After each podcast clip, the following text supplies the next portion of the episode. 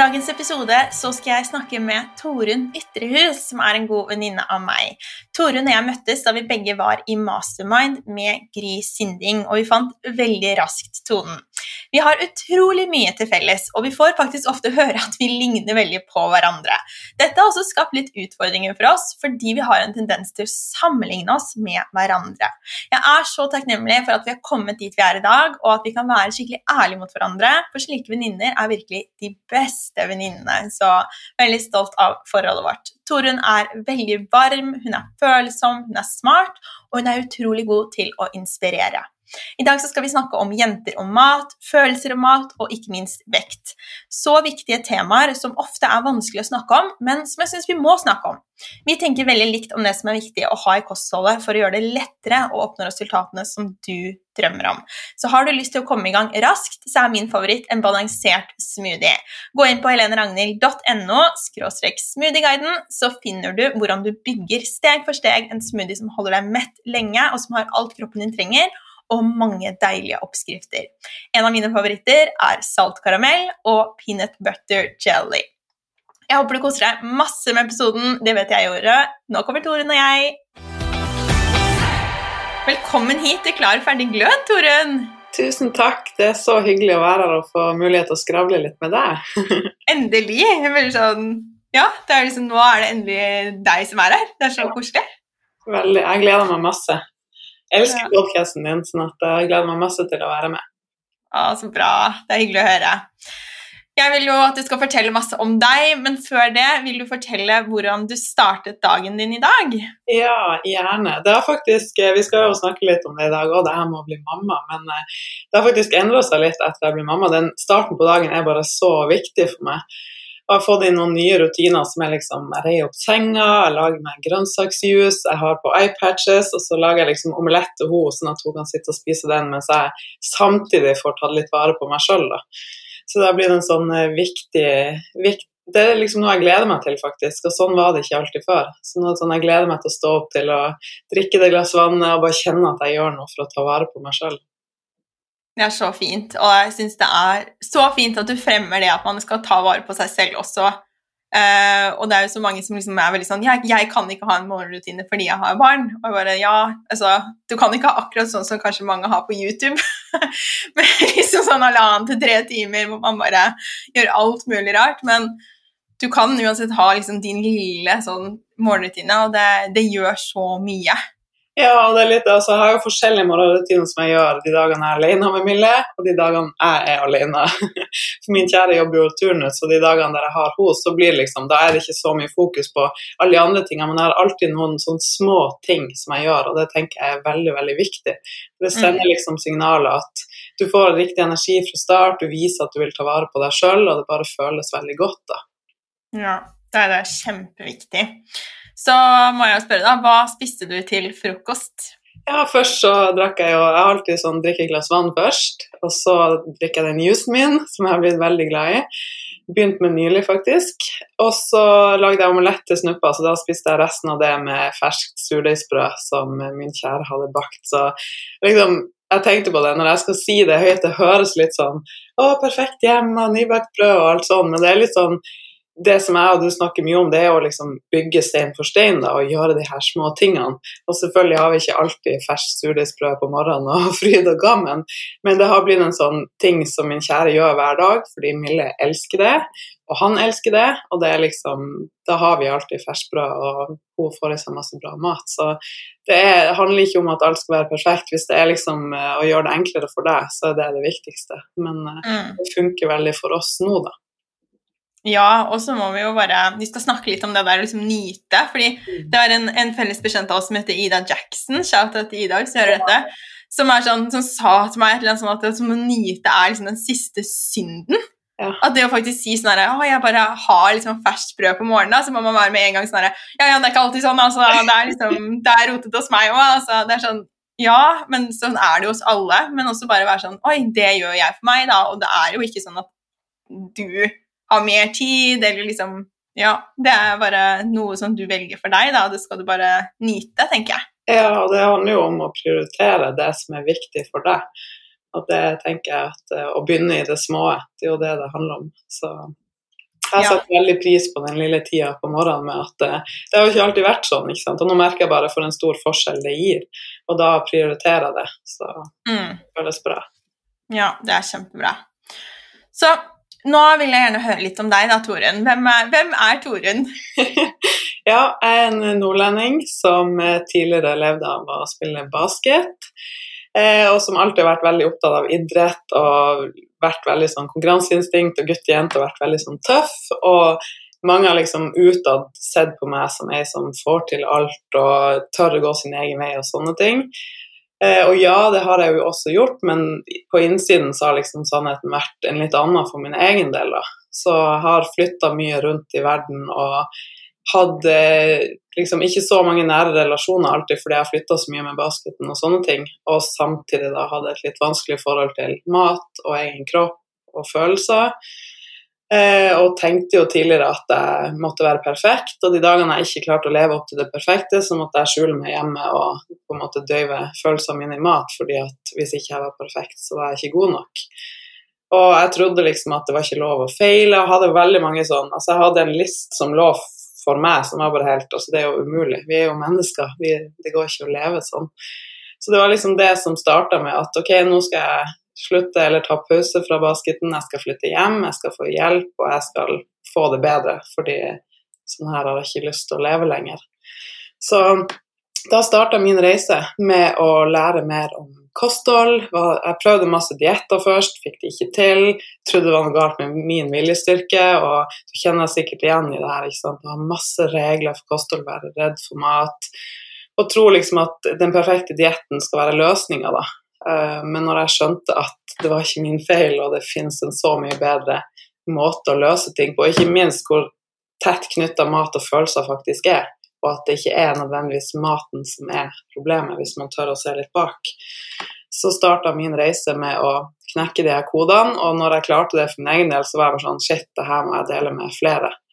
Og da starta jeg Improving Lives i 2014. And the rest is history. so. The rest is history. ja. Ja, så gøy. Ja, det er veldig sånn rart å tenke på hvor annerledes livet var før, da. Og liksom hvordan For jeg tror det er så viktig å si også til mange som har det vanskelig, at det- det kan endre seg så mye. Mm. Det kan være sånn den følelsen du går og kjenner på, om det er overfor en person eller om det er overfor deg selv, den kan faktisk bli på en måte borte, da, forløst. Mm. Uh, og det er jo vi begge eksempler på, at man kan få det veldig veldig mye bedre enn det man hadde før. da. Ja, og det, det som det jeg tror er viktig, som var liksom for begges vår del, var jo det her med at jeg kom til et punkt der jeg bare Nå er det nok. Det, jeg vil ikke det her, Sånn som du bruker å si, det her skal ikke være min historie. Det er ikke sånn her jeg vil fortsette å leve, det er ikke sånn her jeg vil at livet mitt skal være. Og sånn hvis jeg vil få andre resultater enn jeg har fått nå, så må jeg være villig til å gjøre noe annet. Så det handler ofte om at vi tør å bare stoppe opp og bare Det her, jeg vil noe annet for meg sjøl, og tørre å be om hjelp. Mm. Da kan ting begynne å snu, da. For det bor så mye mer i oss enn vi tror. Når vi først starter med en sånn prosess, så bare Ja, jeg hadde jo aldri kunnet tro da at livet mitt skulle se sånn her ut nå. Og det er jo samme for din del òg, ikke sant. Det er- Jeg får en frysning av å snakke om det. Mm. Ja, det er kjemperart å tenke på. Og det er, man glemmer det litt, hvor man, hvor man kom fra. Så ja, det, Og så blir det vanskelig å se for seg. Jeg tror veldig mange som, som er syke, og sånn som ser meg, så tenker de sånn Ja, men liksom, det går ikke for meg. Og det er liksom fordi da, man må ikke tenke så langt frem i tid. Nei. Jeg hadde heller aldri sett for meg at det kunne bli sånn som jeg har det nå. Nei. Så det er så viktig å bare ta det ett skritt av gangen, og det er jo du veldig opptatt av også. Mm. Så jeg hadde tenkt å spørre deg hvorfor du vil hjelpe andre, og du svarte jo litt på det også, men har det alltid vært sånn Jeg kan jo vri litt på det, da. Liksom, har du alltid drømt om å starte for deg selv, eller var det noe som bare dukket opp? Eh, altså, jeg var, jobba jo på en måte for meg sjøl før òg, med at jeg var idrettsutøver som levde av det. Og jeg tror jo, jeg ser jo nå at det å jobbe for seg sjøl passer veldig meg og min personlighet og den måten jeg liker å leve livet mitt på. da. Så jeg er veldig glad for at jeg ble eksponert for det og skjønte at det var en mulighet. For det var ikke noe jeg hadde tenkt på før, fordi ingen i min familie har jobba på den måten. Så jeg ser jo nå at det passer meg veldig godt, men det, også, det krever jo mer av oss når vi jobber for oss sjøl. Så det er jo enormt mye læring og vekst som ligger i det hver eneste dag. Og det har òg hjulpet meg enormt. Liksom, først tok jeg tak i mine egne ting og lærte meg mer om kosthold og metthetsfølelse og alle de der tingene. Og så skjønner man ok, det er veldig mye med mindset og rutinene og valgene man tar, hvordan man snakker til seg sjøl. Det ligger så mye i det da, som faller på plass, og som man skjønner at det er viktig å ta tak i. Mm. Og så må man modnes litt i det. Jeg husker når jeg startet å jobbe etter studiene, så er jo på en måte de rådene jeg ga, det er jo ikke rådene, men det er egentlig hvordan jeg sa det. Og at jeg turte ikke å være så streng, da jeg følte at jeg måtte være veldig snill. Så, så, sånn veldig typisk nå når jeg har glødende kosthold nå, da, så er det veldig mange som er sånn 'Dette er det jeg spiser, jeg er veldig glad i denne frokosten, og liksom må jeg bytte den ut?' Jeg er sånn, Først hadde jeg vært sånn 'Gud, nei, jeg kan jo ikke si til en person at de må liksom gjøre noe annet.' Jeg bare, du trenger ikke å si ha det til den frokosten for alltid, men du må prøve noe nytt hvis du vil ha noe nytt. Jeg er mye flinkere til å være sånn Det er ikke min jobb å bare være liksom venninne da, og bare si sånn 'Ja, ja, ja, den er bra nok', liksom. For det er jo ikke det at det ikke er bra nok, men det er noe med at når du på en måte kommer inn i et sånn type program som vi begge har, da, så er det så viktig å faktisk være sånn Nå tester jeg noe nytt. Og det er også fordi vi har de samme følelsene. Jeg er også veldig sånn resistance da, mot å gjøre ting. Og jeg merker når jeg selv går kurs eller sånn, at jeg er sånn Å, jeg vil ikke liksom endre ja. meg selv. Men så er det jo veldig deilig når man gjør det, og man klarer det. Så vi har jo begge gått liksom gradene der også og blitt mye tydeligere med de vi jobber med, tror jeg. Ja, og det er liksom, Jeg tror vi begge snakker så mye om det her og elsker det, for vi ser jo liksom, det er litt derfor du spurte hvorfor jeg vil hjelpe, og litt hvor det starta. Det er jo det her med at jeg, vi ser at det finnes en så mye bedre måte å gjøre ting på, da, der man har det bedre underveis. Og, men det handler òg om å tørre å være ærlig med seg sjøl og tørre å få litt ærlige tilbakemeldinger. Men det handler òg om de her små tingene som vi gjør, som er så viktige, og tørre å begynne å snu på det. Mm. Absolutt. Og nå har jo du ikke sant? Nå har jo du fått Mille, og det er jo nå Hvor lenge er det siden Mille ble født nå? 13 15 måneder. 13 måneder, ikke sant. Så ja, et år, da. Litt har du vært mamma. Da jeg ble mamma, så følte jeg at det endret så mye for meg. Det var jo da vi møttes. Jeg var jo høygravid, husker jeg, og satt med sånne hovne bein og bare og liksom, Da var jeg den som var litt sånn puffy, da. Og så litt senere var det deg. Og um, det endret jo meg så mye, så jeg vet jo at det har gjort det med deg også. Men hva føler du er det viktigste du har lært av å bli mamma? Ja, det, altså det er som du sier, det er mye. Og det er stadig ny læring og stadig sånn og Litt av det jeg kanskje ikke gjorde nok i starten, var det her liksom ta læringa, integrere den, stoppe opp litt og kjenne etter. Jeg skulle liksom i starten bare fortsette akkurat som før. Og det funker i hvert fall ikke for meg. Det har gjort at jeg det å bli mamma har gjort at jeg setter så mye mer pris på livet og forstår at eh, tida går fort, og at det viktigste er å nyte å være til stede her og nå og ha det bra med de rundt seg. Og så handler det om det at jeg blir enda mer sånn bevisst på hva jeg bruker tiden min på, hvem jeg bruker tiden min på, og blitt mindre altså Tidligere har jeg brukt veldig mye tid og energi på folk fordi jeg trodde at det forventes av meg, ikke vært flink til å sette grenser og sånne ting. Nå har jeg blitt mye mer bevisst på at det, tiden min er så begrensa at uh, det skal være noe bra som jeg bruker den til. da. Og det er viktig at jeg setter grenser for meg og min energi, sånn at jeg kan være på mitt beste formilde. Så man får et litt sånn mer bevisst forhold til det her med tid. Og så føler jeg også at min, mitt mission, da, min Prim Life, så det her å hjelpe damer, har blitt så mye viktigere for meg enn noen gang. Både fordi jeg vil at hun skal vokse opp i en bedre verden, der jenter føler seg gode nok, der vi er snillere med oss sjøl, der vi ikke føler at mat er vår fiende, eller at vi har mye dårlig samvittighet rundt det. Og i tillegg at jeg tror vi begge kjenner på det at det er viktigere noen gang for oss å ha vårt eget univers. Noe vi gjør for oss sjøl og som er viktig for oss. For jeg tror det er mange som kanskje føler at man mister seg sjøl litt i den mammarollen, da. Fordi det er jeg kjenner på det at det er litt krefter som drar den veien. sånn at eh, mm. det at jeg har hatt jobben min, det betyr noe veldig mye for meg. For da, det er mitt eget univers, og da blir jeg en bedre mamma også. Ja, og det var en veldig sånn åpenbaring for meg, for jeg vokste opp med hjemmeværende mamma. Og liksom, som har veldig sånn gjort alt fra bunnen og alltid vært med på alt. og det var veldig, altså Vi har alltid vært med mamma, på grunn av Liksom, vi har ikke hatt så mye familie rundt. og sånne ting, Så jeg husker når jeg var um, med Lykke når hun var veldig liten, så fikk jeg liksom sånn Oi! Uh, det er kanskje ikke sånn at man må være med mammaen sin hele tiden, og at det er best. og så jeg spurte samboeren min Jonna Han bare, bare Du, det at du var så mye med andre i familien din når du var liten, gjorde det at du var mindre tett med din mamma? Er du mindre glad i din mamma? Han bare What? Nei, dette er rart spørsmål også. Jeg bare aha! Altså, det er liksom Du får så veldig sånn Det man kommer fra, det føler jeg kommer opp når man blir mamma. Man har sånn de mønstrene.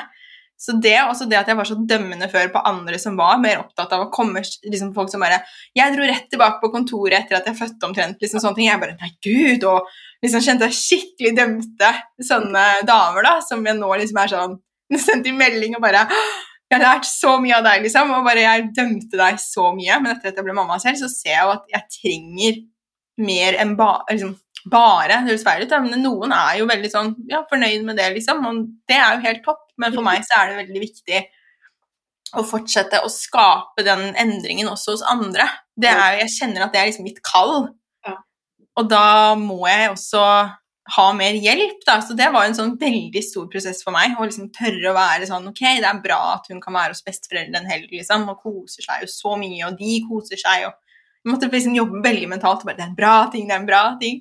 Hvordan har det vært for deg? Ja, det, jeg kjenner meg så igjen. og jeg har jo nettopp vært i, Hun har jo nettopp begynt i barnehage, ikke sant? så jeg har nettopp vært i den prosessen. og det, når vi skulle søke barnehageplass, så var jeg jo helt sånn eh, følte meg som et forferdelig menneske og bare altså jeg liksom er verdens dårligste mamma som ikke skal være hjemme og passe på henne døgnet rundt og sånne ting. Og så nå når hun har begynt der, så ser jeg jo altså det er jo en gave for henne å gå i barnehage. Hun elsker det jo. Og det, hun Mm. storkoser seg og blomstrer opp og lærer seg nye ting. Og det er jo, som jeg sa, det er en gave for henne. Så det er liksom, det er ikke, jeg er ikke slem for at jeg vil gi henne andre relasjoner og annen type læring i livet. Eh, og så er jeg i den prosessen nå med at eh, jeg skal tørre å slippe enda mer opp da, at uh, mamma kan komme en helg og passe henne mens jeg gjør noe annet. Og, så jeg er i den prosessen. dra til Stockholm med meg når det åpner Ja. opp. ja. Så det er, det er liksom Ja, jeg øh, delte litt om det på Instagram, og det handler jo og litt som du sa i stad, det handler om å ta det steg for steg. ikke sant? Du skal ikke bare plutselig dra en uke bort, og så skal hun sove med noen andre. Det er steg for steg, og så blir du tryggere, og så tør du å slippe den kontrollen. og Det, det er så viktig for begge to. Jeg kan ikke passe bodøgnet rundt resten av livet. Det, det funker ikke for noen av oss. Nei. Jeg husker Gry sa til meg det var liksom at barna er kun til låns, og jeg var så sur på henne. Jeg syntes det var så drøyt å si. Jeg bare 'Jeg prøver å mamma.' Og liksom, sånn, hun bare 'Ja, men husk det, liksom. At det er ikke det er ikke hele livet ditt, liksom. Og det er bare Ja, det har stemt veldig for meg, da. Ja. Mm.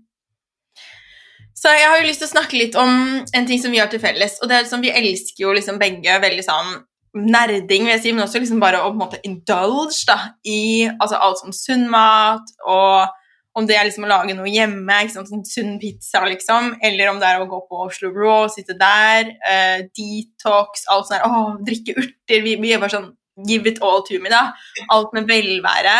Um, og så føler jeg at det, vi vil snakke litt om det, liksom, hvor godt det føles å ta vare på seg selv. Så jeg vil spørre deg, sånn, Hva er det det betyr for deg? Liksom, hvorfor gjør du de tingene, egentlig? Alle ting. Hvorfor, hvorfor har du behov for det? Ja, det, det, jeg syns det her er så bra at du vil snakke om, for jeg tenker at det er viktig. Og det er jo mye av det jeg snakker om med IL-jentene, de som er mine kunder, som jeg jobber med. Fordi at jeg vet jo, det har jo ikke alltid vært sånn for meg. Jeg, snarere tvert imot tidligere. ikke sant? Jeg tok ikke vare på meg sjøl, jeg tok ikke meg sjøl på alvor. Jeg satte ikke grenser og behandla meg sjøl ekstremt dårlig. Og nå når jeg gjør det, så er det sånn hver lille ting. Det er liksom, Vi øver oss på noe som vi kaller reset button, at vi starter hver dag med stort glass vann. Og det er sånn, det, Jeg sier det til meg hver dag, bare jeg er stolt over at jeg tar vare på meg sjøl og jeg prioriterer meg sjøl. Og det føles godt å gjøre sånne ting for å gi seg sjøl kjærlighet. Da. Da får man så mye mer god energi som man bare gir til alle rundt seg. Så det blir sånn god effekt av det. Og jeg elsker å liksom prøve nye ting og chaga kakao, og jeg syns det er så gøy. Og det er liksom Kanskje man kan kalle det en hobby, jeg vet ikke. Ja, jeg tror det. bare, det å gå på sånne helsekostbutikker i USA, det er litt sånn Jeg kan jo gå der en hel dag, og det kribler i magen fordi jeg syns det er så gøy og så spennende. Og det føles bare godt å ta vare på seg sjøl og prøve nye ting. og vise for seg sjøl at man eh, har lyst til å ta vare på seg sjøl og ta seg sjøl på alvor. Da. Det gir en veldig god følelse som jeg måtte øve meg på å bli vant med at det er en bra ting. Og derfor så føles det ekstra Mm. godt nå når jeg klarer det. Ja, for jeg tror det, Merker du noen ganger at andre ikke helt skjønner at det er viktig for deg? Mm. Mm. Ja, og det er liksom det her med å sette grenser, ikke sant. At man møter jo Jeg tror vi begge har jo vært gjennom den at uh, og skal vi ikke bare spise vanlig mat? Og skal vi ikke bare liksom være vanlig fordi mange ikke forstår eller man får spørsmål og sånne ting. Og det er jo mange kan jo kjenne på det. Hvis det er kake på jobben og de ikke vil ta, så bare får de kommentarer. og Det, det, er, det er, vanskelig da noen ganger å stå i sine egne valg. Og det handler jo litt om at ofte så møter andre seg sjøl, da. For at de blir sånn Oi, hun setter sånn grense for seg sjøl, er det på en måte lov? Og så, ja, sånn at Jeg ser liksom at venninnene lærer av det også. De kan først bli litt sånn irritert på meg, men så kanskje de takker meg etterpå, eller at de skjønner det. At ok, Torunn setter grenser, det har faktisk jeg lov til å gjøre. Så mm. jeg har øvd meg på å stå mer i det, og jeg vet at det er ikke noe alternativ. For da blir ikke jeg den versjonen, versjonen av meg sjøl som jeg har lyst til å være for de rundt meg. Sånn at det er, det er, viktig. Og når vi gjør det, så inspirerer vi de rundt oss til å også tørre å gjøre det mer. Så jeg tror det er veldig, mm. veldig viktig at vi gjør det. Starter med oss sjøl. Ja, det gjør jo det. Og det, det, er jo også noe som vekkes i Det mest liksom, primitive behovet vi har, er jo det å tilhøre. Mm. Så når folk liksom tilhører noen gjeng da, rundt liksom noe fersk bakst på kontoret på en fredag, eller en annen dag, eller at det er kake, og liksom sånne ting, så blir man sånn Da er man ikke en del av det. Så det som da er viktig, er jo at man finner sine sånn som vi, da, som, sant, som vet at liksom, vi er en gjeng som er sånne raringer. Så har vi da liksom den tilhørigheten. Og så husk, husk på, liksom, hvis du kjenner på den følelsen, så er det jo bare sånn Det er bare en følelse. Det er det, er det primitive i oss som mennesker, i hjernen vår. Og liksom Å ja, det er bare den. Det er derfor jeg kjenner sånn. Men kake er ikke det som egentlig binder folk sammen. Det er jo så mange andre ting liksom, som er viktigere enn det. Mm. Så hvis man kan kjenne det, den der 'Å, jeg er utafor', og så bare 'Å ja, men jeg kan være innafor selv om jeg ikke spiser kake. Det har egentlig ingenting å si. Så det er også en sånn fin måte å snu det, da. Bare liksom minne seg selv på at det her er egentlig ikke noe med kaken å gjøre, det er bare en følelse jeg får opp, da. Ja, veldig viktig. Mm. Det er kjempefint. Så jeg vil jo at vi skal snakke litt også om dette med mat og følelser. Og dette er noe som du snakker masse om, og som er så viktig, og, og vi skal jo mer inn på og det, liksom det her med vekt og hvordan det på en måte påvirker. Det jeg selv merket, var at jeg virkelig Altså, jeg har slitt veldig mye med mat når jeg var yngre og hatt spiseforstyrrelser og alt sånt. Jeg har ikke delt så mye om det, fordi at jeg har ikke helt kommet hit at jeg har liksom vært klar for å dele om det. Og jeg har ikke heller uh, delt så mye privat om det til mine nærmeste. Men um, selv om jeg kom meg ut av det, så har jeg også hatt liksom mange sånn Når du da kommer over i et sunt kosthold, det er veldig vanlig, så liksom prøver man mange forskjellige dietter. Og så var jeg, sånn som du sa på starten, veldig redd for forskjellige typer mat. Men det siste året faktisk, så følte jeg virkelig at jeg klarte å liksom bruke noe sånn Ja, få hekta litt ting på plass, da, eller liksom lagt ting på plass, sånn at jeg virkelig følte at jeg fikk et sånn mye mer avslappet forhold til mat. Og som du sa, liksom knekker den koden. Og det jeg også har merket da, er at når du har et mye mer sånn herre jevnt forhold til mat, at det ikke er sånn opp og ned, at du er av og på, som vi hører veldig mye, så har jeg merket at ikke bare liksom er det enklere, men også at faktisk vekten min er enda mer stabil enn før. Så selv om ikke jeg har hatt noen problemer med liksom overvekt, eller at jeg har gått veldig opp og ned, så er det liksom akkurat som det bare ikke er en issue lenger. Og det syns jeg var veldig interessant, for det er akkurat det du snakker om. Jeg tror det er vanskelig å tro på det når man ikke er inni det. At man liksom, jeg fikk en mail akkurat nå her om dagen som var sånn Ja, men jeg må bare ned i vekt først, og da kan jeg begynne å tenke på tarmen og alt det her, liksom. Jeg må bare få de kiloene først. Og det er liksom det er det eneste fokuset, da. Er det noe du møter på med de du eh, jobber med? Ja, veldig. Eh, og det er jo de fleste som kommer til meg, eller veldig mange av de i hvert fall, ønsker jo å gå ned i vekt. Og er vant til at det er det man for da tror man at når jeg kommer dit, så får jeg den følelsen jeg vil ha, og da løser alt seg, og så kan jeg finne ut av de andre tingene etterpå, sånn som du sa. Men når man har det som fokus, så vil man aldri komme dit, fordi man starter i feil ende. Hvis man leter etter løsninger for å gå raskt ned i vekt, eller for å klare å få bedre viljestyrke, at man tror det er problemet, eller sånne ting, så vil det bare være kortvarig. For det er en kortvarig strategi som ikke hjelper i lengden. Mm. Så det er så viktig å bli mer bevisst på. Det som du sier, det er vanskelig. Jeg hadde jo aldri trodd at jeg skulle være her jeg er nå, hvis du hadde sagt det til meg tidligere, at jeg skulle ha et så avslappa forhold til mat. Aldri, liksom. Men nå så Altså, det er jeg tror de fleste hadde blitt overraska hvis de hadde sett hva jeg hadde spist, for jeg er veldig avslappa, men selvfølgelig ligger det en sunn base i bunnen. Men det er fordi at jeg har bygd stein for stein og gjort det her gradvis. Og så som du sier, sakte, men sikkert så skjønner man at det er det her som funker best i lengden, og jeg har det bedre underveis. Og det her med mat og følelser er jo veldig Veldig mange som går kurs hos meg eller er med i medlemskapet mitt, får ofte en sånn Oi, jeg visste ikke at jeg trøstespiste så mye som jeg faktisk mm. gjør. Jeg visste ikke at mat og følelser var knytta så tett sammen for meg. Og når man tør å begynne å se litt bak det, så er det som jeg bruker å si, at når man løser det som ligger bak, så vil ikke det friste like mye. Og hvis man i tillegg selvfølgelig slipper det her med ja-nei-mat og regler, ha spisedager og sånne ting, så frister det også mindre. Så det er liksom flere, flere, ting man kan gjøre, da. For det er jo sånn, Hvis jeg sier du skal ikke spise sukker på 30 dager, jeg har i hvert fall prøvd det så mange ganger, jeg vet at det eneste jeg gjør da, det er å tenke på at jeg vil ha smågodt med en gang. um, men det her er forhold til mat og følelser så handler det om at det er ofte et behov som du ikke har dekket emosjonelt, som du prøver å knytte, altså prøver å dekke med mat. Fordi det er en sånn lett løsning, det gir en sånn rask, liten godfølelse, men desto større nedtur etterpå, da. Så de mønstrene her er det så mye igjen for å bli mer bevisst.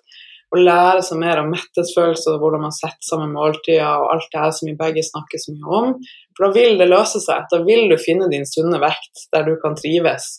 Og som jeg bruker å si også, at jo mer du gjør de her tingene og ikke veier deg og fokuserer på det, jo bedre resultater vil du få etter hvert som tiden går. For at du kjenner bare at det er mer og mer naturlig å ta gode valg, ta vare på deg sjøl, og så bare knekker du flere og flere koder. da. Mens hvis du går på vekta det er sånn, Tenk hvis du har i utgangspunktet gjort alt jeg har sagt eller alt Helene har sagt, og du føler deg så bra for å bare jeg hadde en bra uke, og så går du på vekta, og så viser den det samme. Så tenker du det her funker ikke, jeg må prøve noe annet. Men snarere tvert imot så har du gjort alt riktig, og du er på riktig vei, men den vekta forteller deg noe annet, tror du. Så det å mm. liksom ha så sterkt forhold til den holder veldig mange igjen, da. Som kommer ja. ja, absolutt. Og um, jeg har ikke vekt hjemme. Jeg har bare liksom Det er veldig, veldig mange år siden egentlig. Jeg aldri hatt det i leilighet hvor jeg har bodd, liksom. Bare vært hjemme hos andre. Og det, det var jo også sånn når man blir gravid også, man liksom skal veie seg hele tiden. Så man merker bare at det, det er ikke liksom det er bare noe som sitter så hardt da, i mange av oss kvinner. Og mm. ja, jeg syns det er kjempefint at du jobber på den måten du gjør. Jeg tror det er veldig, jeg husker jo I mange år så hadde jeg liksom et sånt tall som var knytta til min følelse. Altså, Da skulle jeg bli lykkelig, da skulle jeg være god nok, da skulle jeg tørre å være mer meg. Da skulle livet mitt bli helt annerledes, bare jeg nådde det tallet. Og det er jo helt sånn, Hvis man bare ser det litt utenfra og setter på spissen Det tallet har jo ingenting Du vet jo ikke hva jeg veier. Du vet ikke hvilken størrelse jeg bruker i bukse. Og du er like glad i meg og blir like glad å være sammen med meg for det. Og det handler ikke om liksom, hvor mye jeg veier eller hvordan det ser ut, det er jo hvilken følelse jeg gir deg, og at jeg er faktisk en person som nå tar vare på meg sjøl og har mer å gi.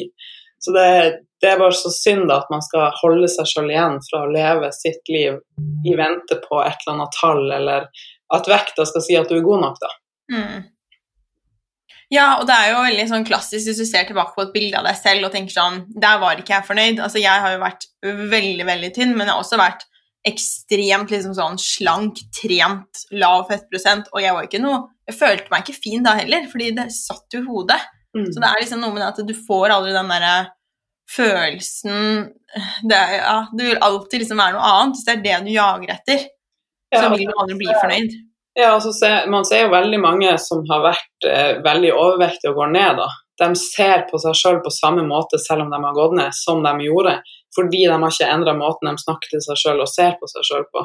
Så. Derfor er det så viktig å starte i riktig ende. da, for at hvis ikke, og Det er jo sånn alltid med mål. ikke sant? Og Hvis man i business knytter det til et mål Hvis det er liksom det eneste fokuset, og du knytter det til lykke, så vil du kanskje aldri bli lykkelig, da, for at du leter på feil sted.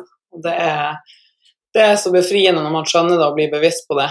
Og så kan man gå en annen vei, og så blir livet så mye bedre, sånn som det har gjort for mm. både meg og deg. Og vi går, det er jeg og før, jeg har jo aldri vært overvektig, men trøstespist masse, gått opp og ned i vekt, oppblåst, sovet dårlig fordi jeg har spist for mye sukker for seint. Og bare åh, jeg får tårer i øynene og frysninger når jeg snakker om det, for det er bare sånn meg for noen år siden, ti år siden, er bare sånn Ja, en jente som ikke tar vare på seg sjøl og, og, tror at det er sin egen feil.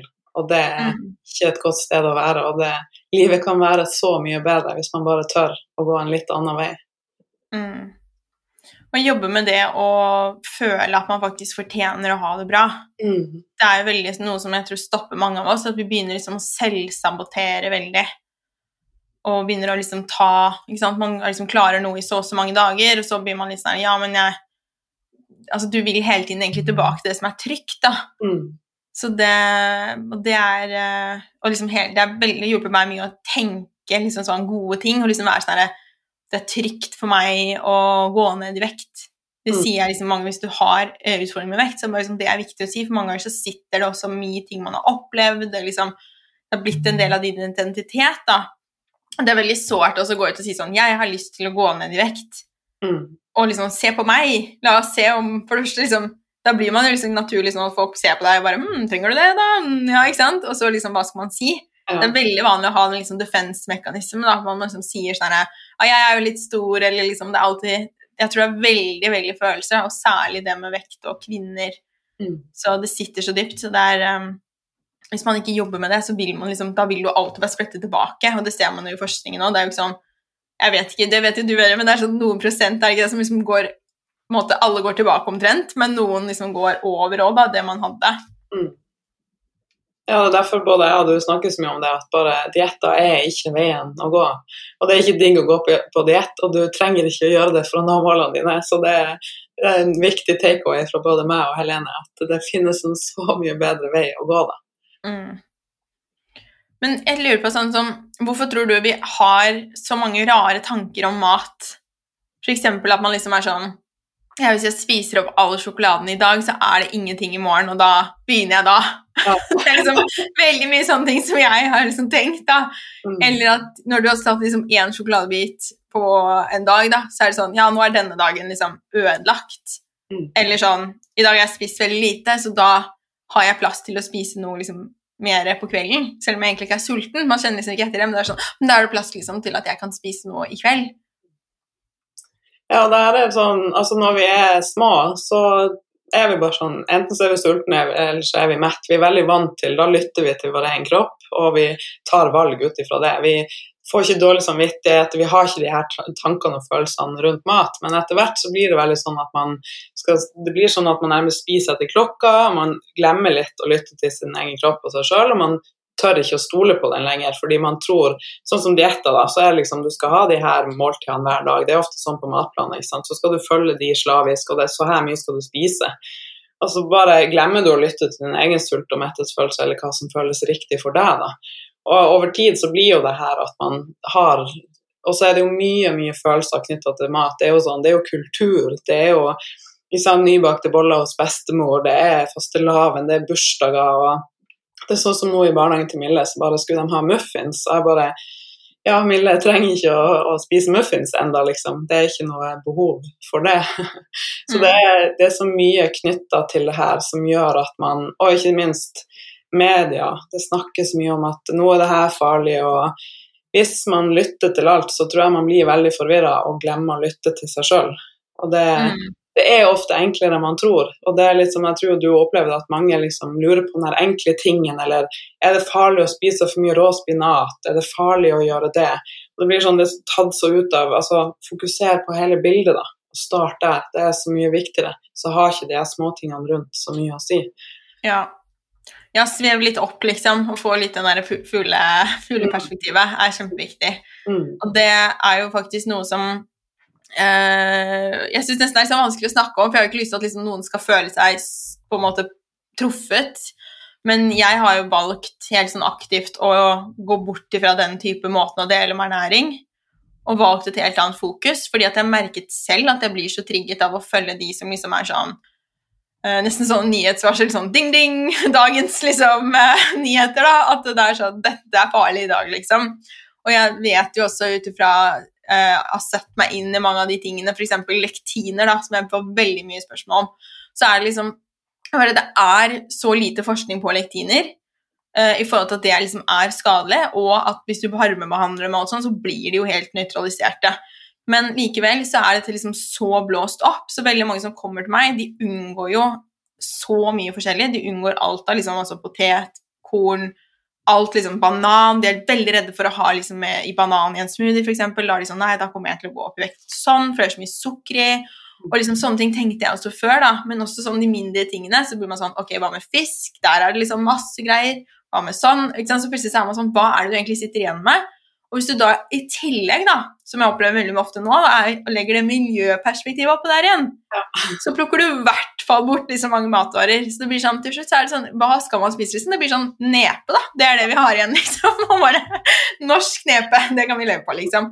Så jeg bare merker at jeg bestemte meg bare for at det er sånn, det her er jeg ferdig med, liksom. Å deler om ernæring på den måten. For jeg ser at det påvirker meg så negativt. Og når det påvirker oss negativt, som kan så mye om det her, som har egentlig ressursene til å sortere det, så tenker jeg at da vet jeg at det påvirker andre negativt. Og jeg vil bare ikke være med på det. Nei. Nei, jeg er helt enig, jeg er så glad for det, for jeg mener akkurat det samme. Jeg tenker Det er veldig mange som bruker mye av sine kanaler på å rakke ned på andre måten de snakker om ernæring, eller fremme hva som liksom er farlig hit og dit. og jeg tenker Det tar liksom bort fokuset på det som er viktigst. og det er sånn, Mm. De der små tingene er ikke så viktige om du som jeg sa, varmebehandler spinaten eller ikke. det er sånn, Begynn med de små tingene og gjør det riktig. og Så kan man heller se på de andre tingene til slutt, men det har ikke noe å si i det lange løp, så lenge du spiser variert og prøver å få i deg mest mulig liksom, naturlig og bra mat, så er det det viktigste. Det, det er så Jeg tror flere altså Vær litt bevisst på hva du tar inn, og type overskrifter som popper opp, eller det folk sier. Og det er jo mange som kommer til meg og bare Ja, forrige uke sa noen at det her var bra, nå sier de at det ikke er bra. Jeg bare ikke hør på det. For at Mm. du ser på liksom der du er nå, og det du skal bygge opp stein for stein, så må du få inn gode måltider som du setter sammen på riktig måte, endre vanene dine, starte dagen med et glass vann, meditere eller gå tur, eller altså bare de her tingene. Og så lukk litt ørene for alt det andre som popper inn hit og dit, for det har ikke så mye å si. Se litt innover ikke sant? hva som funker for deg. Det er også er jo en stor prosess av det å begynne å spise annerledes, er jo det å kjenne til hva er det som egentlig føles bra i min kropp. Mm. Så det er kjempeviktig. Så jeg er også veldig glad for at, du, at vi er helt like der.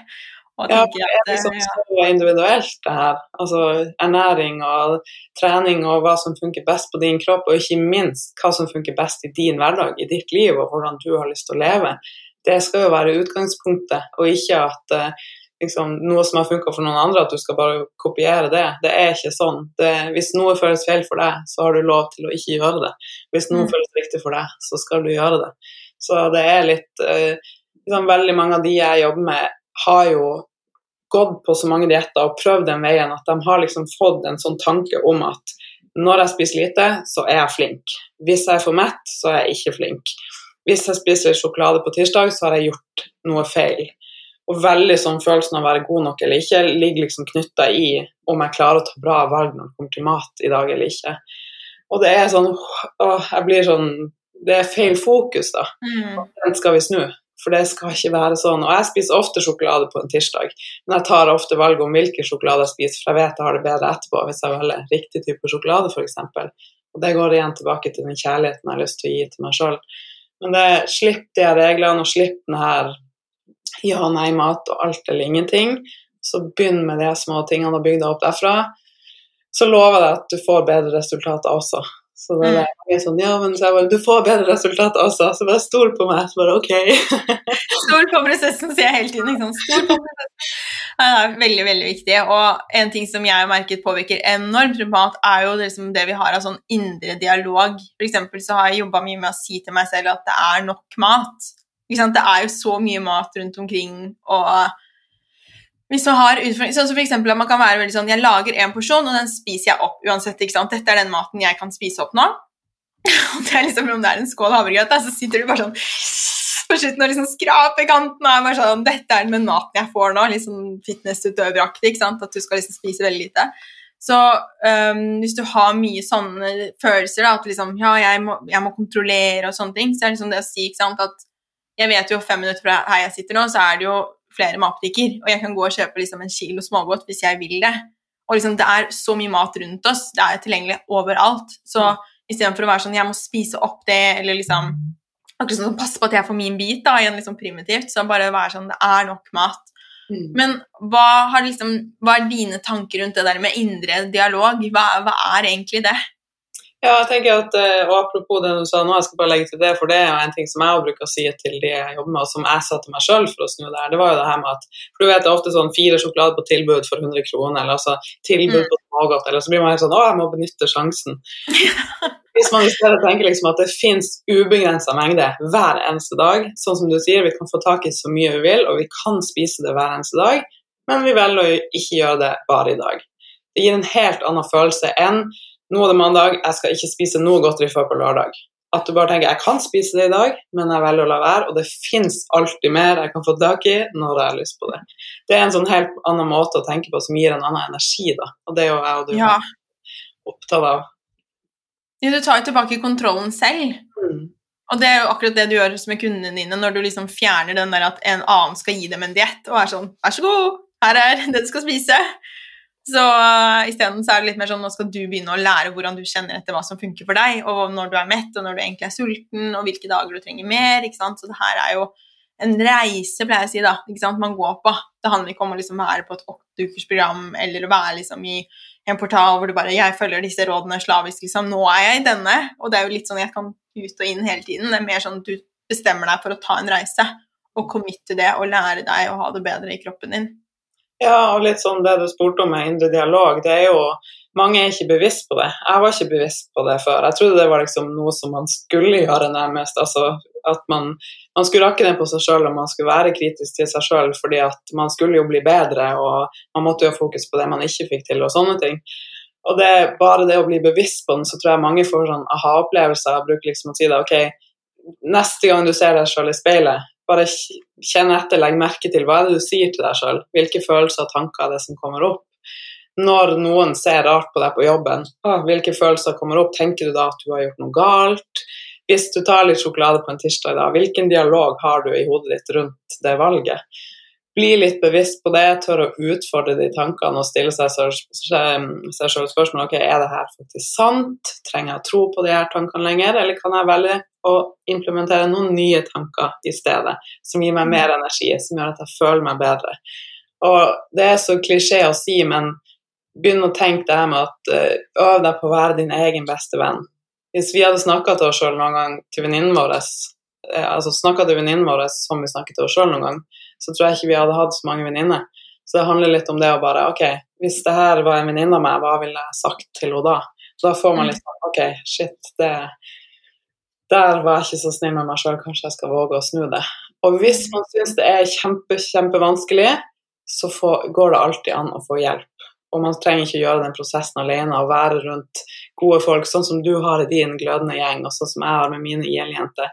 Det å ha den gjengen rundt deg som har samme mål, og som ser deg heier på deg, det gjør så stor forskjell. For det, er så mye lettere når man gjør det sammen med noen. Mm, helt enig. Det er kjempeviktig å, å jobbe med og også liksom, ja, det med det psykiske er uh, utrolig, utrolig viktig. Og jeg er veldig glad for at det, vi stadig tar liksom skritt mot at det blir mer akseptert. Da, at det liksom ikke er så big deal lenger. Det er jo også fordi at vi snakker åpent da, om å gå og få hjelp og, og sånne ting, så er det, det er viktig å dele. Mm. Ja, og liksom, mange av de utfordringene som de jeg hjelper har, er jo ikke nødvendigvis Selvfølgelig mye knytta til mat med spis, spiser du riktig, så får du bedre mettelsesfølelse, og det er lettere å ta sunne valg, og du slipper deg søtsug, og du får mer energi. Men det er også knytta til indre dialogen, måten du snakker til deg sjøl, hvordan du tenker og hvilke følelser du har rundt mat. Så det er jo, Hvis man starter der også, så blir den andre veien å gå så mye lettere. Mm. det, det, er jo litt som jeg sa i starten, det med å jobbe for seg sjøl òg. Man får så mye igjen for å tørre å begynne å gå litt den veien og jobbe med seg sjøl. Fordi man blir så mye stødigere i alle situasjoner man møter i livet. Og man bare kjenne litt sånn Jeg kan faktisk skape mitt drømmeliv, da, hva enn det ser ut for deg. Det handler jo ikke om Palace in the Hills og gourmet chef at home, liksom. Det handler om de her små tingene. Og det, for meg så er det den jeg drikker jo koffeinfri cappuccino hver morgen. Det er liksom, den er mitt drømmeliv, da. Den er så hverdagslykke for meg og viktig for meg. Ja, det er kjempefint. Jeg er helt, helt Helt enig. Det er så fint å, å høre at man kan påvirke. Og jeg vet jo også at den, liksom, den tingen som er absolutt viktigst da, for at man skal få til noe, hva som helst i livet, er at du tror at du kan gjøre det. Mm. Og hvis man ikke tror det, så kan man på en måte fake det. Du kan liksom være sånn Ok, jeg pleier å si det til de jeg jobber med, at liksom jeg har beviset for oss begge til du kjenner det selv. For det tar tid, og det er veldig lett å komme Hvis man har en dårlig indre dialog en liksom, som er litt crappy, da, så er det veldig lett at man kommer inn i en sånn gruppe, da, så jeg melder meg på IL-jentene, og så er jeg sånn Her er det mange som allerede trener, og mange kan ting jeg ikke kan, og de spør ting som ikke jeg kan, og da er det veldig naturlig å være sånn Å, hvorfor kan ikke alle være liksom, akkurat der hvor jeg er? Liksom, men det handler ikke om dem, det handler jo om din reise, og du må jo tenke på ditt utgangspunkt. Mm. Så det å hele tiden være veldig sånn Pushe deg selv litt fremover hver dag og tenke 1 bedre i dag og liksom ett skritt i bevegelse, men samtidig bare hele tiden gi seg selv så mye egenkjærlighet og bare jeg er i læring, eller sånn 'Å, nå sa jeg det til meg selv igjen.' 'Å, jeg skulle jo øve.' og liksom, ikke sant, Istedenfor å være sånn 'Herregud, jeg er så idiot'. Ja. Jeg vet det, og det handler jo liksom også om det stresset man skaper rundt det. ikke sant? Og stress påvirker jo veldig Det er jo en ting som holder veldig mange igjen, fordi det påvirker hormonbalansen, og det påvirker at man får mer cravings. altså Det er så mye som er knytta til det. da.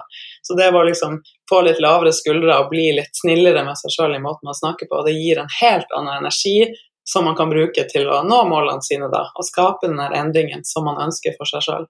Og det bruker de hvis man, Det er så lett sant, å sammenligne seg med andre og begynne liksom å Og det er jo som jeg sier, altså hvis du scroller ti minutter på Instagram, så har du jo plutselig liksom 100 ting du burde bli bedre på, for du plukker én ting fra alle de som dukker opp. Og Det er sånn, det er ingen som er alle de tingene, men du tenker liksom at du sjøl burde det hvis du blir eksponert for det og tenker på den måten. Så bare tenk heller at det er inspirasjon, det er ekspansasjon, eller hva det heter på norsk, altså Mm. expanders. Andre viser hva som er mulig for deg, hvis du vil. Og hvis det ikke er riktig for deg, så kan du bare tenke fint for dem at de gjør det og får til det, men jeg kjenner det er ikke riktig for meg akkurat nå. Og det å liksom bli litt tøffere der med måten man snakker til seg sjøl rundt det å sammenligne seg med andre, det gjør også ekstremt stor forskjell. Og nå er jeg måtte, en konkurransemenneske, så jeg har også måttet jobbe mye med det der. og Mm. helt komme tilbake til ok, hva er viktig for meg, hva er viktig for meg, hvordan vil jeg leve livet mitt, og hva er viktig, ikke minst, som du sa, akkurat nå, hva er det jeg trenger akkurat nå i mitt liv. Det er ikke å trene syv ganger i uka på et splittprogram, det er ikke viktig for meg akkurat nå. Det er andre ting som er mye viktigere. Kanskje å få inn trening som en vane, som en rutine. Mye Mm. viktigere at jeg trener tre ganger i uka, 20 minutter. Så kan jeg heller ta det der senere hvis jeg kjenner at det er riktig, det er ikke der jeg skal nå. Mm. Ja, og dette er jo noe som vi har jobbet mye med i vårt forhold også, det å sammenligne. For jeg tror vi begge er veldig sånn som sammenligner oss. Ja. Og vi får jo høre fra liksom Gry, da, som jobber med her, sånn herre hvorfor gjør dere det? Nesten sånn. Jeg tror ikke, jeg tror ikke det har samme genet. gene. Men vi også er veldig sånn som sammenligner, sammenligner. Ja. Og da liksom, men jeg er veldig glad for at vi har klart å jobbe gjennom det å være sånn veldig ærlig på det. da, Og det kan jo også være at du kan bare være sånn Jeg skulle ønske jeg hadde et sånt hjem, og så samtidig huske at mange på Instagram de liksom, de fjerner alt rot, og så tar de et sånt bilde og liksom superretusjerer det og alt sånn. Og det er jo ikke bare kropp, for det er veldig lett å tenke liksom, å ja, ja, kropp, det er liksom det som alltid er kroppspress, men det er også sånne perfekte mammabilder. Hvis man ser en som er ute og triller Jeg husker når jeg når Lykke var veldig liten, så gråt hun jo så ekstremt mye. Og så så jeg mamma på senteret som satt på kafé mens babyen bare lå i vogna. Og det var sånn, det kunne aldri Lykke. Hun kunne ikke bare ligge i vogna. Da så var hun jo Ja. Mm. Og så eh, jeg sånn, tenkte jeg sånn Å ja, sånn har hun det, liksom. Og bare veldig sånn mye tanker rundt hvordan denne branden mammaen hadde.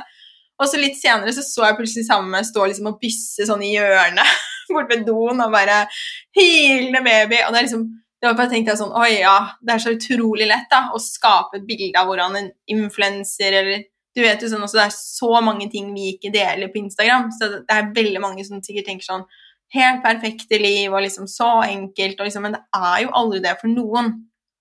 Det er så mye tilbake bak. Ja, vi er mennesker alle sammen. Og det var det jeg lærte meg litt for sent. Jeg skulle ønske jeg lærte det og skjønte det mye tidligere. At vi er mennesker, og det er menneskelig å føle på opp- og nedturer. Og være redd og føle på frykt og sammenligne seg og møte seg sjøl litt i døra på sånne ting. Mm. Så det er, vi er mennesker, vi må få lov til å være det. Det er større det er litt som jeg sa, jeg malte meg inn en sånn bitte liten boks der jeg skulle liksom være perfekt. Men det er et større rom for oss til å være. Vi har lov til å prøve og feile. Og det er alle kjenner på de her følelsene. Jeg har aldri møtt noen som ikke føler på, og som har masse tanker som du kanskje ikke skulle tro de hadde når du ser dem på Instagram. Så det er Mm. så bra at vi kan snakke om det her og bare oh, Det føles litt som å få en klem da. Bare slapp av, du er god nok, og vi, er, vi alle prøver bare så godt vi kan. Og det er så viktig da å være snill med seg sjøl underveis. Bare, sånn som du sier, da, når man får, får den der at 'Å, nå sammenligner jeg meg', så bare 'Hvorfor gjorde jeg det?' Og litt stille seg litt spørsmål istedenfor å bare gå rett i kritikk, da. Mm. Helt enig. Det er, det er kjempefint. Jeg har lyst til å snakke litt om mat også. Um, selv om jeg syns at den er en grunn til at jeg ikke tok det først. Jeg tenkte det var viktig å liksom snakke om alt det med følelser og mønstre rundt, fordi det er virkelig det viktigste. Men så har jeg egentlig bare lyst til å spørre deg litt sånn, hva er det viktigste for deg når du skal velge mat? Som liksom, mat som Torunn skal spise. Hva er det du ser etter? Mm. Ja, sånn, det som ligger i bunnen, det er jo at det skal være mest mulig liksom, næringsrik mat. Da.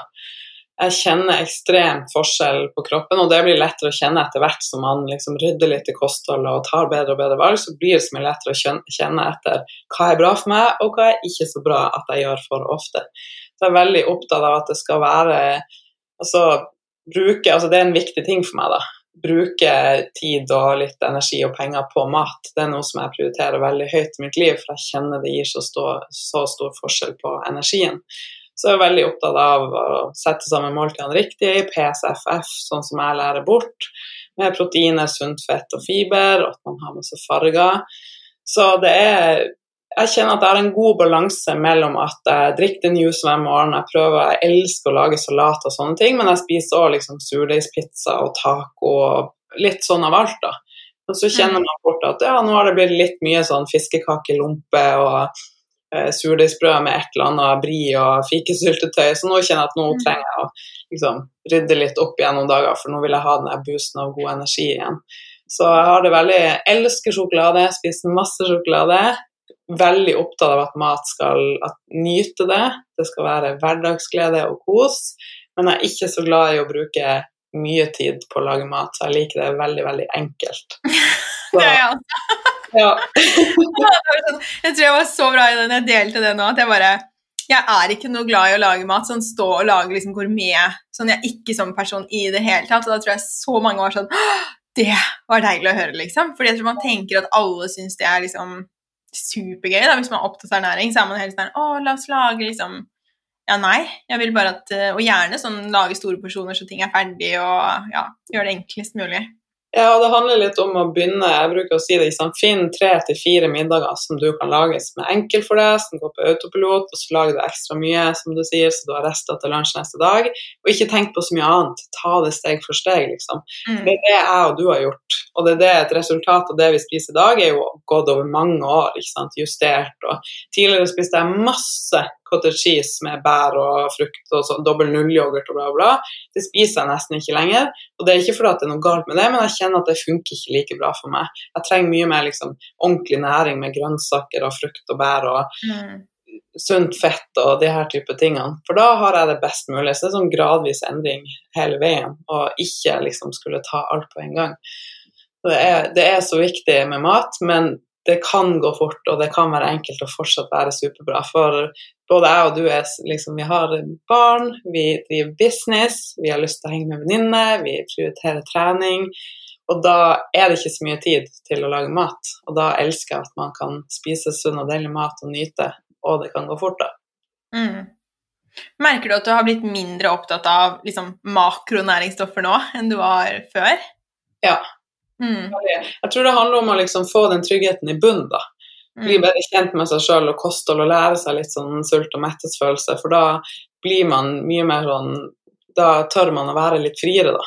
Det er litt sånn mm. som jeg sier, at plutselig hvis jeg får lyst på smågodt, det er veldig sjelden nå, før kunne jeg spise Og det er liksom, det er viktig for meg å si. Før kunne jeg spise 500-600 gram smågodt helt seriøst flere ganger i uka uten å blunke. Nå jeg har ikke sjans, liksom, og det frister nesten aldri og det er ikke fordi at jeg har sagt det ikke er lov, det er fordi jeg har gjort alle de tingene som jeg og du nå har snakka om. ikke sant? Så, men hvis jeg plutselig får lyst på det, og så spiser jeg det, og så, det, og så kjenner jeg bare at nei, nå føler jeg meg litt sånn crap etterpå, og så blir det lenge til neste gang. Mm. Så jeg er mye mer fri rundt det, og faktisk begynt å spise mer Det tror jeg kanskje du har mer vegetarisk, mer mm. Eh, vegansk mat, masse linse og falafel og sånne type ting og kjenner nå at det metter bedre for meg når kroppen har blitt mer vant til det. da. Mm.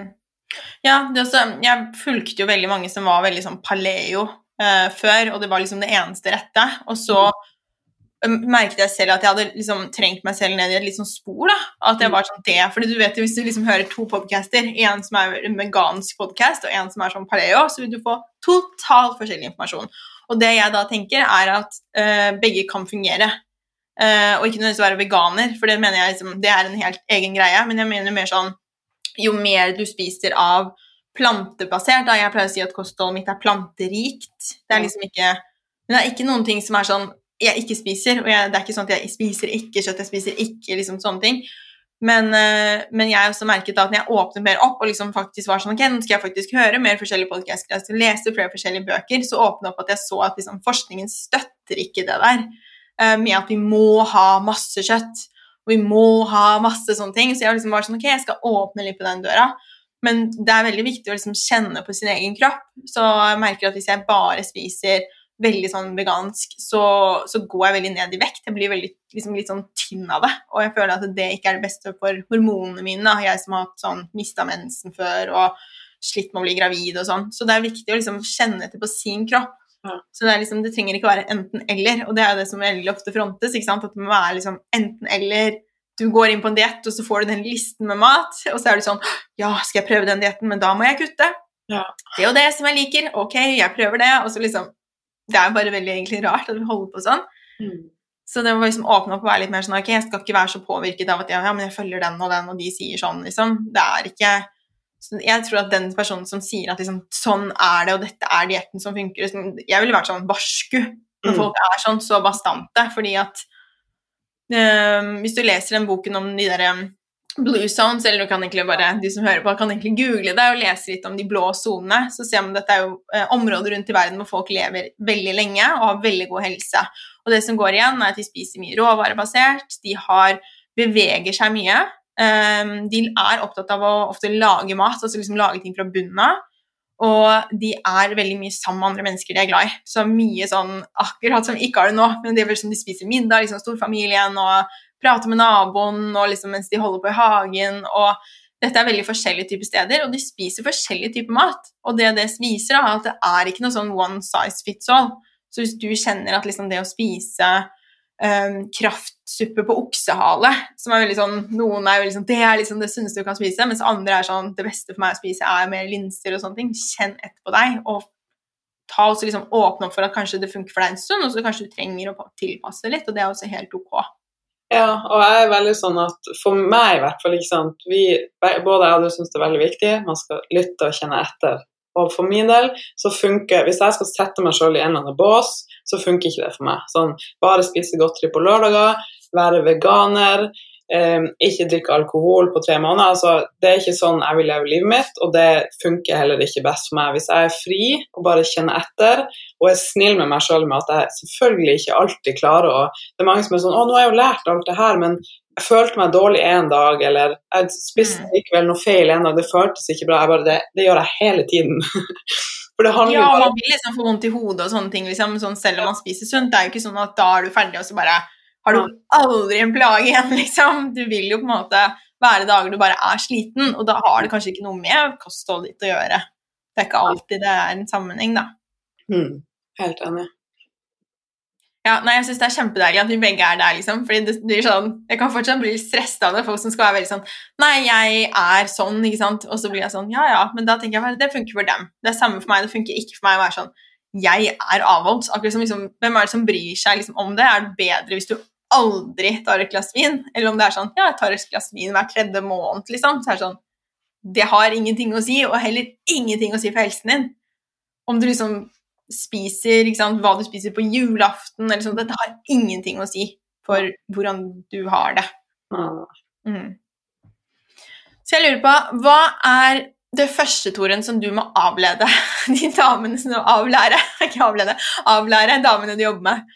Ja, det er litt sånn Jeg må egentlig avlede dem òg.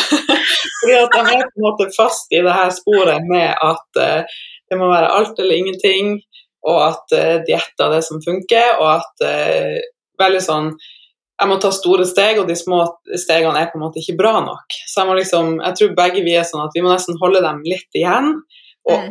få dem til å forstå at de små stegene er de viktigste. det, hvis du drakk et glass vann i dag og lagde deg en smoothie, og så var resten av dagen sånn som du brukte før, som ikke er så bra, du kjenner at det ikke er så bra, supert, du har fått til to ting. Du starta dagen din kjempebra med smoothie og et glass vann.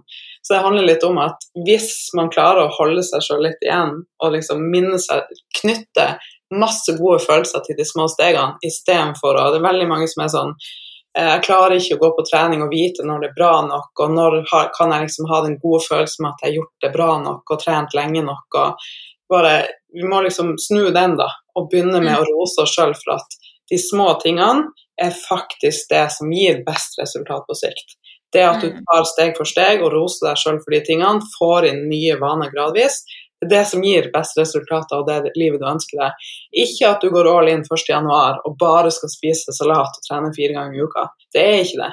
Vi vet det, men gang på gang så trenger vi liksom å gå på det. Og jeg har gjort det noen ganger til at jeg har lært at det funker ikke. Og så kanskje du må gjøre det noen gang for du har til slutt skjønner at ok, kanskje jeg skal gå en annen vei. Så det er der jeg liksom jobber veldig mye i starten, da. Med det her med de små tingene. Få en Jeg er veldig opptatt av mestringsfølelse. Og at du skal bygge opp den her med at du er en person som stoler på deg sjøl, du holder avtalene dine, du gjør små ting og du får mestringsfølelse, for det gir så positiv effekt videre, da. Mm, Istedenfor at det sånn all in tre dager, så faller man av, og så bare øver du deg på å være den personen da, som ikke holder avtaler med deg sjøl, som faller av. Så det er veldig Det er ikke så lett i starten når man er supergira, men det er det som funker. Det Det er det som funker. Mm, Mm. Mestring gir motivasjon, vet du. ja. Men du, eh, hvis du skulle gitt tre råd til en som kommer inn til deg nå, da Si du møter en som ikke, som ikke er en IL-jente, men som er sånn Ok, gi meg tre råd, da. Det litt sånn irriterende spørsmål. men så skal du få meg likevel. Hva ville du gitt helt liksom kort ville du sagt at du skulle starte med? ja, det er litt sånn det jeg nettopp sa, da, med start forsiktig. Mm. Hvordan starter du dagen din? Ok, Fra og med i morgen så skal du starte dagen med et stort glass vann, og så en eller annen frokost som føles bra for deg. That's it. Og så fokuserer du på det den første uka, eller til det går av seg sjøl, og knytt masse positiv energi til det. At du, du tar deg sjøl på alvor, du tar gode valg. Start med det. Ikke tenk på noe annet, bare start med det. Og så vil jeg skrive inn to korte treningsøkter i kalenderen din, og det skal da enten være Det skal være maks 20 minutter. Så det kan enten være å gå eller jogge eller løpe ti minutter én vei, så snur du og kommer deg hjem igjen, så er det ferdig. eller det kan være at du tar Sett på nedtelling på 10 minutter eller 20 minutter, og så tar du pushups, knebøy og utfall på stuegulvet til klokka ringer. Så skal du gjøre det to ganger den første uka. Og mange igjen det her med alt eller ingenting, og liksom, man legger lista så høyt at det jo som før, jeg kjøpte nye treningsprogrammer hele tida og skulle prøve å få det til og hit og dit, og man begynner i feil ende, da. Og man øver seg bare på den der negative følelsen.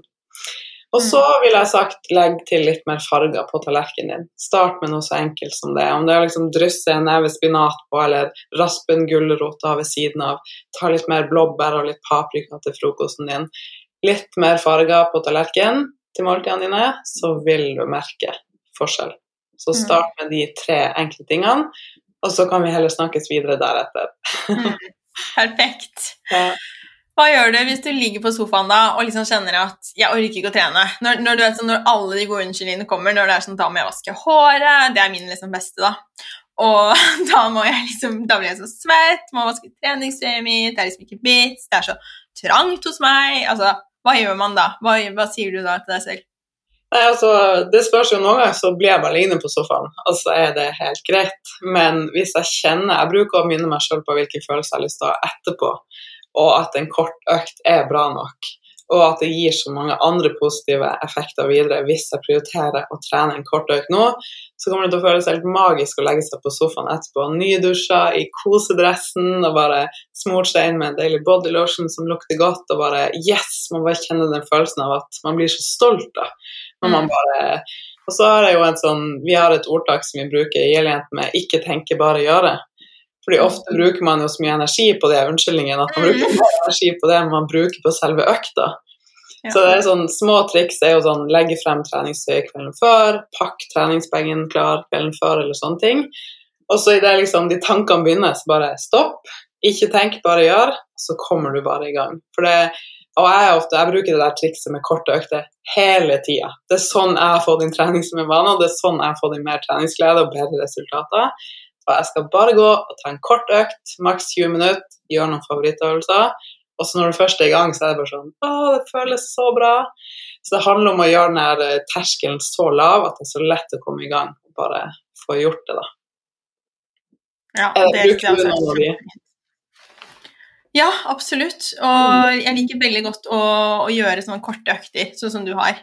Og jeg syns også øvelsene er eh, fine. Det er liksom istedenfor sånn at det er liksom tabata også. For veldig mange er bare sånn, Du kan ta kort økt, men så er det liksom 100 burpees, og så er det sånn Det er kanskje ikke helt der man skal starte, da. Så blir du liksom så støl, og så starte forsiktig, og at liksom, det er bra nok. Det syns jeg er kjempefint eh, råd. Ja, jeg bruker, nå, jeg bruker veldig å bruke hendene. Kan, hvis man tenker at man liksom skal gå en stige da, eller bygge liksom et tårn som skal stå av seg sjøl, så ofte så har vi lyst til å hoppe til det 20. trinnet, eller bare skynde oss å legge steiner som ikke ligger så bra, sånn at det skal bli høyt nok. Men da vil vi bare rykke tilbake til start. Mm. Sånn at det er, og i tillegg så er det sånn, hvis du ikke har trent så mye og starter med å trene ti minutter for, på stuegulvet, så vil du få resultater. Du Mm. trenger ikke å trene én time på et knallhardt program. Du vil få resultater av at du får inn trening som en vane og gjør det korte økten. Så det er det å minne seg sjøl på det, for da får man så mye mer motivasjon også da, til å gjøre det. Det funker faktisk. Det funker. Hva ville du sagt til Torunn for eh, ti år siden? Og da hun ville jeg gitt en klem. Eh, og Torunn for ti år siden hadde det ikke bra. Eh, og hun hadde aldri trodd på at livet kunne bli sånn som det er i dag. Så jeg ville gitt henne en klem og sagt at du er bra nok, og folk kommer til å bli mer glad i deg hvis du tør å vise hele deg. Og at eh, fortsett å gå din vei og tør å åpne deg opp, så vil du få hjelp, og så vil ting føles mye lettere. Fint. Ja. Skal jeg ta med meg. Ja. Helt til slutt, Torunn, hva er det som får deg til å gløde? Det er og når jeg kjenner liksom at jeg tar meg sjøl på alvor og tar de gode valgene som jeg vet jeg trenger for å liksom Man har ofte perioder der man kanskje ikke tar så mange gode valg, mens så bare rykker man seg sjøl litt opp. Så når jeg starter dagen min riktig, får den der juicen som er bare sånn, du føler at det er sånn kick til kroppen din med næring, når jeg får eh, gått litt tur i naturen, får vært med venninner som fyller meg med energi, får vært med de jeg er glad i, og fått ut mitt energi, altså fått ut energi og kreativitet på jobb, for å hjelpe damer med å leve det livet de fortjener å leve. Da gløder jeg, for da kjenner jeg liksom at jeg ikke lar min egen frykt holde meg igjen, og at jeg tar meg sjøl på alvor og tør å utfordre meg sjøl for å skape det livet jeg drømmer om å leve da. For det er ikke alltid lett, men når jeg klarer det, så kjenner jeg bare at jeg blir stolt, og da gløder jeg fra inn, innenfra og ut, som du bruker å si. Ja, så fint. Tusen takk for at du var med, Torunn. Det har vært så koselig å skravle med deg, og jeg vet at uh, så mange kommer til å få hjelp av det vi har snakka om. Jeg er enig. Tusen takk. Det har vært så bra. Vi må gjøre det mer. Snakke mer om de her tingene. Det er så viktig. Enig. Hvor er det vi kan eh, finne deg i sosiale medier og overalt? Jeg kom inn på Instagram på Improving Life, så si gjerne hei der, så kan jeg hjelpe deg en gang. Eller på improvelives.no. Men Instagram er jo alltid best. Der er henger vi best, mest, ja. Ja. ja. Så ønsker jeg bare en nydelig dag videre, og kos deg masse. I like måte. Snakkes! Snakkes.